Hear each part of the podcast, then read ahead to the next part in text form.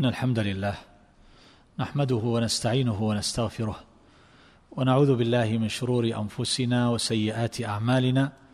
من يهده الله فلا مضل له ومن يضلل فلا هادي له وأشهد أن لا إله إلا الله وحده لا شريك له وأشهد أن محمدا عبده ورسوله صلى الله وسلم وبارك عليه وعلى آله وصحبه أجمعين. أما بعد فالسلام الله عليكم ورحمته وبركاته. أيها الأحبة هناك مسائل أخرى تأتي إن شاء الله تعالى في ثنايا الكلام على الآيات والأحاديث التي تضمنها هذا الكتاب. وقبل أن أبدأ بشرح ذلك أقول لو نظرنا نظرة في الفهرس الذي وضع للموضوعات في هذا الكتاب أو في غيره من كتب الأذكار. ماذا سنجد؟ نجد بعد فضل الذكر أذكار الاستيقاظ من النوم دعاء لبس الثوب دعاء لبس الثوب الجديد الدعاء لمن لبس ثوبا جديدا ما يقول إذا وضع ثوبه دعاء دخول الخلاء دعاء الخروج من الخلاء الذكر قبل الوضوء الذكر بعد الفراغ من الوضوء الذكر عند الخروج من المنزل الذكر عند دخول المنزل دعاء الذهاب إلى المسجد دعاء دخول المسجد دعاء الخروج من المسجد أذكار الأذان دعاء الاستفتاح دعاء الركوع دعاء الرفع من الركوع دعاء السجود. دعاء الجلسة بين السجدتين دعاء سجود التلاوة التشهد الصلاة على النبي صلى الله عليه وسلم بعد التشهد الدعاء بعد التشهد الأخير قبل السلام الأذكار بعد السلام من الصلاة دعاء صلاة الاستخارة أذكار الصباح والمساء أذكار النوم الدعاء إذا تقلب ليلا دعاء الفزع في النوم ومن بلي بالوحشة ما يفعل من رأى الرؤيا أو الحلم دعاء قنوت الوتر الذكر عقب السلام من الوتر دعاء الهم والحزن دعاء الكرب دعاء لقاء العدو وذي السلطان. دعاء من خاف ظلم السلطان الدعاء على العدو. ما يقول من خاف قوما دعاء من أصابه وسوسة في الإيمان. دعاء قضاء الدين دعاء الوسوسة في الصلاة والقراءة. دعاء من استصعب عليه أمر. ما يقول ويفعل من أذنب ذنبا. دعاء طرد الشيطان ووساوسه الدعاء حينما يقع ما لا يرضاه أو غلب على أمره. تهنئة المولود له وجوابه. ما يعوذ به الأولاد. الدعاء للمريض في عيادته. فضل عيادة المريض. دعاء المريض الذي يئس من حياته. تلقين المحتضر. دعاء من أصيب بمصيبة. الدعاء عند إغماض الميت. الدعاء للميت في الصلاة عليه. الدعاء للفرط في الصلاة عليه. دعاء التعزية الدعاء عند إدخال الميت القبر الدعاء بعد دفن الميت دعاء زيارة القبور دعاء الريح دعاء الرعد من أدعية الاستسقاء الدعاء إذا رأى المطر الذكر بعد نزول المطر من أدعية الاستصحاء دعاء رؤية الهلال دعاء الصائم الدعاء قبل الطعام الدعاء عند الفراغ من الطعام دعاء الضيف لصاحب الطعام. التعريض بالدعاء لطلب الطعام أو الشراب. الدعاء إذا أفطر عند أهل البيت دعاء الصائم إذا حضر الطعام ولم يفطر. ما يقول الصائم إذا سابه أحد؟ الدعاء عند رؤية باكورة الثمر دعاء العطاس. ما يقال للكافر إذا عطس فحمد الله؟ الدعاء للمتزوج دعاء المتزوج. وشراء الدابة الدعاء قبل إتيان الزوجة دعاء الغضب. دعاء من رأى مبتلى. ما يقال في المجلس كفارة المجلس. الدعاء لمن قال غفر الله لك. الدعاء لمن صنع إليك معروفا. ما يعصم الله به من الدجال. الدعاء لمن قال إني أحبك في الله. الدعاء لمن عرض عليك ماله. الدعاء لمن أقرض عند القضاء. دعاء الخوف من الشرك. الدعاء لمن قال بارك الله فيك. دعاء كراهية الطيرة. دعاء الركوب. دعاء السفر. دعاء دخول القرية أو البلدة. دعاء دخول السوق. الدعاء إذا تعس المركوب. دعاء المسافر المقيم. دعاء المقيم للمسافر. التكبير والتسبيح في سير السفر. دعاء المسافر إذا أسحر. الدعاء إذا نزل منزلا في سفر أو غيره. دعاء الرجوع من السفر. ما يقول من أتاه أمر. يسره أو يكرهه. فضل الصلاة على النبي صلى الله عليه وسلم شاء السلام. كيف يرد السلام على الكافر إذا سلم؟ الدعاء عند سماع صياح الديك ونهيق الحمار. الدعاء عند سماع نباح الكلاب بالليل. الدعاء لمن سببته. ما يقول المسلم إذا مدح المسلم؟ ما يقول المسلم إذا زكي؟ كيف يلبي المحرم في الحج أو العمرة؟ التكبير إذا أتى الحجر الأسود. إلى آخر ما ذكر فيما يتصل بالحج والمناسك. ثم ذكر بعد ذلك أشياء من الأذكار. المقصود أيها الأحبة أن مثل هذا العرض نأخذ منه معنى كبير وهو أن هذه الشريعة كاملة شاملة وأن هذا الذكر يشمل أحوال المسلم من أولها إلى آخرها. فقد شرع الله تبارك وتعالى له بكل أحواله وأوقاته ما يتحقق به إشباع حاجاته المتنوعة الحاجات النفسية الحاجات المادية الحاجات الروحية الميل إلى جانب التعبد عند الإنسان حيث فيه ميل جبلي إلى كنف يطمئن إليه. فذلك كله يشعره بمعية الله عز وجل له. وأن الله تبارك وتعالى معه. فإذا أصابته الأوجاع والآلام والأسقام وانتابته المخاوف من كل ناحية جاءت الأذكار الرقى التعوذ من كل الشرور والأشرار من الإنس والجن وهكذا أيضا ما يعرض للإنسان من الحزن والفرح. فقد جاءت الأذكار شاملة لذلك جميعا تعالجه من جميع هذه النواحي. في كل أحواله في كل تقلباته في كل أموره. ومن هنا سمى بعض المصنفين للأذكار من ألف في ذلك سموها بعمل اليوم والليلة لأنها أعمال تنتظم أحواله في يومه وليلته. فليس هناك وقت للمسلم ولا حال من أحواله في ليله أو نهاره إلا وللشارع فيه هدايات عليه أن يهتدي بها. فيبقى بذلك متصلا بربه تبارك وتعالى لا يغفل عنه طرفة عين. فيكون قيامه بالله وتحوله وانتقاله بالله وتقلبه في أموره وشؤونه وطلب الرزق أو في طلب البرء والعافية إذا اعتراه المرض أو في جهاده لعدوه إلى غير ذلك. من الأحوال أن يكون ذلك جميعا لله وفي الله وبالله.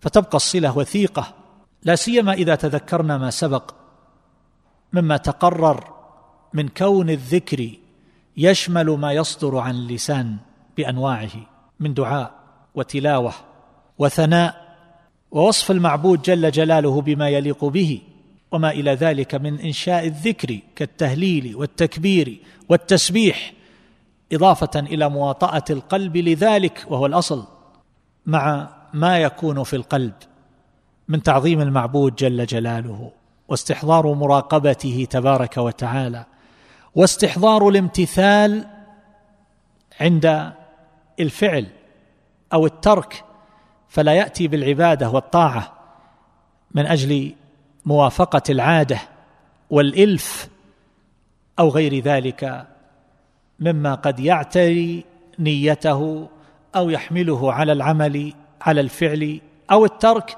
من غير استحضار للامتثال والتعبد لله تبارك وتعالى. فتكون بهذا أيها الأحبة جميع حركاتنا وسكناتنا كلها تكون عبودية لله تبارك وتعالى تكون له ذكرا. فإذا صدرت أعمال الجوارح وأقوال اللسان وأحوال القلب وأعماله إذا كان ذلك كله يرتبط بالله تبارك وتعالى ويتوجه إليه فذلك جميعا من الذكر. قل إن صلاتي ونسكي ومحياي ومماتي لله رب العالمين لا شريك له وبذلك أمرت وأنا أول المسلمين. فهنا قبل أن يعمل الإنسان يستحضر النية وحينما يعمل يستصحب هذه النية وبعدما يعمل يستحضر منة الله عز وجل عليه حيث وفقه وهداه واجتباه ودله. ثم هو بعد ذلك أيضا يكون بفعله هذا الذي قد فعله بجوارحه أو بقوله الذي قاله من تلاوة وذكر وثناء. كل ذلك هو في عبودية يزاولها بقلبه ولسانه وجوارحه وهكذا حينما يتفكر في آلاء الله تبارك وتعالى يتفكر بنعمه أو يذكرها بلسانه أو حينما يتفكر في حكم التشريع فهو في عبادة دائمة. لا سيما أن القلب لا يتوقف من الفكر والخواطر والإرادات وما إلى ذلك فعبوديته يمكن أن تكون مستمرة ثم إن العبد إن لم يكن يزاول عملا بيديه وجوارحه أو بلسانه فإنه ينويه ويقصده فيكون ينوي الطاعة والعبادة بصورة مستمرة. وبهذا يكون كما يقول الشيخ عبد الرحمن بن سعدي رحمه الله إن هدي إليه ووفق وحصل ذلك له فذلك عبادة يعملها ويزاولها. فإن لم يحصل له ذلك بلغه الله منازل العاملين فحصل له الأجر كأنما عمله. فنحن نحضر النيات قبل العمل في أثناء العمل وبعد العمل بصور متنوعة بصور متعددة مختلفة من أجل أن يكون سائر أحوالنا أيها الأحبة كل ذلك لله وبالله فيكون المؤمن عابدا لله حقا ومن هنا لا يأتي شيئا أو يذر إلا أن يكون ذلك من محاب الله تبارك وتعالى أو من مساخطه يعني فيما يتركه. ومن هنا يكون قد استسلمت جوارحه. بعد أن استسلم قلبه فيتحقق له الإسلام الصحيح الإسلام الكامل. ونحن حينما نتأمل عبارة شيخ الإسلام رحمه الله حينما يقول ما زلت أجدد إسلامي كل يوم أو كل حين. كنت أعجب من مثل هذه العبارة وأظن أنها تقال على سبيل التواضع. ولكن كلما أعيد النظر والفكر وأقلب هذه العبارة وفي مدلولاتها أدرك أن هذه العبارة هي عين الصواب. إذا تصورنا هذا المعنى الكبير للذكر وهذه العبودية الحقة يجد العبد دائما أنه يحصل له أحوال من غفلة. تصدر أعمال لربما لا تكون النية فيها منضبطة وقد يقصر عن واجبات أو عن مستحبات أو الا يكون أمره جميعا لله تبارك وتعالى فيحصل له بسبب ذلك شيء من التخليط الذي يوجب نقص مرتبته. ومن هنا يحتاج العبد دائما إلى أن يجدد إيمانه. أن يجدد إسلامه من أجل أن يحقق هذا المعنى الذي خلقنا من أجله وما خلقت الجن والإنس إلا ليعبدون. إذا كل حياة من أولها إلى آخرها عبادة وقربة إلى الله تبارك وتعالى وهنا يقدم على ربه تبارك وتعالى بأعمال وافرة وتجارات رابحة لا يقدم عليه إقدام المفاليس. ومن هنا أيها الأحبة كان الذكر بأنواعه هذه هو روح العبادة. بل إن حقيقة العبادة تدور على الذكر فهو يشمل ذلك جميعا جميع الذي يصدر من الإنسان من قلبه ولسانه وجوارحه. وهذه العبادة تنقسم على هذه الأنحاء الثلاثة وتتعلق بها وتصدر عنها.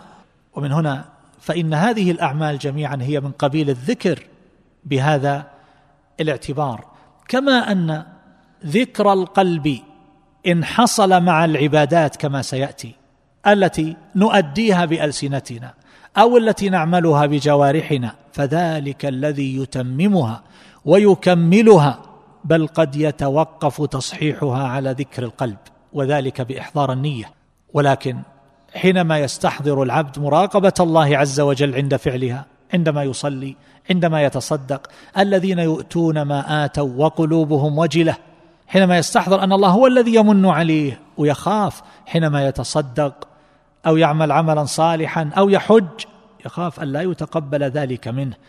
ليست القضية أن الإنسان يشتري أضحية يباهي بهذه الأضاحي فيضحي أهل البيت لربما بعشر من الأضاحي. ليست القضية أن أحج بحملة مرموقة ثم بعد ذلك أتحدث عن هذا في كل مناسبة أني حججت مع الحملة الفلانية ذات القيمة العالية التي لربما يتقاصر دونها أكثر الناس ليست العبرة بهذا. العبرة هي بما يقوم بهذا القلب عند هذه الأعمال. ليست القضية أن يحج الإنسان من أجل أن يكمل رقما في العدد يكمله أنه حج عشرا أو حج عشرين أو حج ثلاثين وأن العداد مستمر. ثم ماذا؟ العبرة بالقبول العبرة بالإخبات العبرة بأن يؤدى هذا العمل على الوجه المشروع ظاهرا وباطنا. فهذا هو المخبت هذا هو العابد هذا هو الذاكر لله تبارك وتعالى حقا. هذه معاني نحتاج إلى استحضارها. نحن نغفل كثيرا نحن نتحدث عن أشياء أيها الأحبة هذه الأيام. نغفل سريعا نتحدث عن الأضاحي. أين يوجد الأضاحي الجيدة؟ ذات الثمن الأقل. أين النسك الذي لا يوجد معه أو لا يجب معه الهدي؟ هكذا تكون التجارة مع الله تبارك وتعالى. أهكذا يكون حال الذاكر لربه ظاهرا وباطنا؟ ابدا أيها الأحبة. ليس الأمر كذلك. فهذا الذكر أيها الأحبة يصحح العبادة والعمل عمل اللسان والجوارح كما أنه يكمل ذلك أيضا فيأتي مع ما يقوم بالعبد من استحضار المعاني السابقة تأتي العبادة في حال من الكمال وهذا سيأتي له مزيد من الإيضاح إن شاء الله تبارك وتعالى. ولهذا قال الله عز وجل وأقم الصلاة لذكري. هذا يبين لنا منزلة هذا الذكر فالصلاة إنما تقام اللام هنا للتعليل على الأرجح. الصلاة إنما تقام لأجل إقامة ذكر الله تبارك وتعالى. ولهذا قال النبي صلى الله عليه وسلم إنما جعل الطواف بالبيت وبين الصفا والمروة ورمي الجمار لإقامة ذكر الله تعالى. ولك أن تقول إنما جعلت الأضاحي والنسائك والهدي لإقامة ذكر الله تبارك وتعالى. فاذكروا اسم الله عليها صواف. فمثل هذا أيها الأحبة كله من أجل إقامة ذكر الله جل جلاله. ولما قال الله تبارك وتعالى أتل ما أوحي إليك من الكتاب وأقم الصلاة. إن الصلاة تنهى عن الفحشاء والمنكر. إن هنا تفيد التعليل. كأنه يقول لأن لأن الصلاة إن الصلاة تنهى عن الفحشاء والمنكر. بعدها قال ولذكر الله أكبر. ولذكر الله أكبر. العلماء قالوا فيه أقوالا متعددة من أقربها ما ذكره الحافظ ابن القيم ونقل عن شيخ الإسلام ابن تيمية رحمه الله أن الصلاة اشتملت على أمرين. الأول أنها تنهى عن الفحشاء والمنكر وهذا أمر عظيم. والأمر الثاني وهو ما فيها من ذكر الله تبارك وتعالى وهو أكبر وأعظم من الأول. بل هو ينهى أيضا وهو أولى كما قال بعض أهل العلم في النهي عن الفحشاء والمنكر وبين المعنيين ملازمة كما لا يخفى. فذكر الله في هذه الصلاة وهكذا في سائر الأعمال تتفاضل أعمالهم بحسب ما يقوم في قلوبهم وبحسب ما يتحقق لهم من الذكر في هذه الأعمال. وسيأتي أن أفضل الصوام أكثرهم ذكرا لله عز وجل في صومهم. أفضل المتصدقين أكثرهم ذكرا لله عز وجل. أفضل الحجيج أكثرهم ذكرا لله تبارك وتعالى وهكذا في سائر الأعمال. وهذا سيأتي إيضاحه إن شاء الله. أسأل الله تبارك وتعالى أن يجعلنا وإياكم من الذاكرين الله كثيرا والذاكرات. اللهم ارحم موتانا واشف مرضانا. وعاف مبتلانا واجعل آخرتنا خيرا من دنيانا. وأذكركم ونفسي أيها الأحبة في مثل هذه الأيام التي هي أفضل أيام وليالي العام. أفضل من جميع الأيام والليالي حتى العشر الأواخر من رمضان سوى ليلة القدر. فلا يصح بحال من الأحوال أن تستوي أعمالنا. وذكرنا لله تبارك وتعالى أن يستوي في هذه الأيام مع غيرها. فهذا غاية الغبن والتفريط والتضييع وضعف اليقين. ثم أيضا ينبغي أن لا يكون عملنا في مثل هذه الأيام مقاربا لسائر الأيام ولو كان أكثر من غيره. ولكن لا يصح أن يقاربه بحال من الأحوال لأن هذا وقت التجارة الرابحة العظيمة مع الله تبارك وتعالى. فنسأل الله عز وجل لنا ولكم القبول وكما بلغنا هذه العشر أن يتقبل منا ومنكم الأعمال الصالحات وأن يعيننا على ذكره وشكره وحسن عبادته.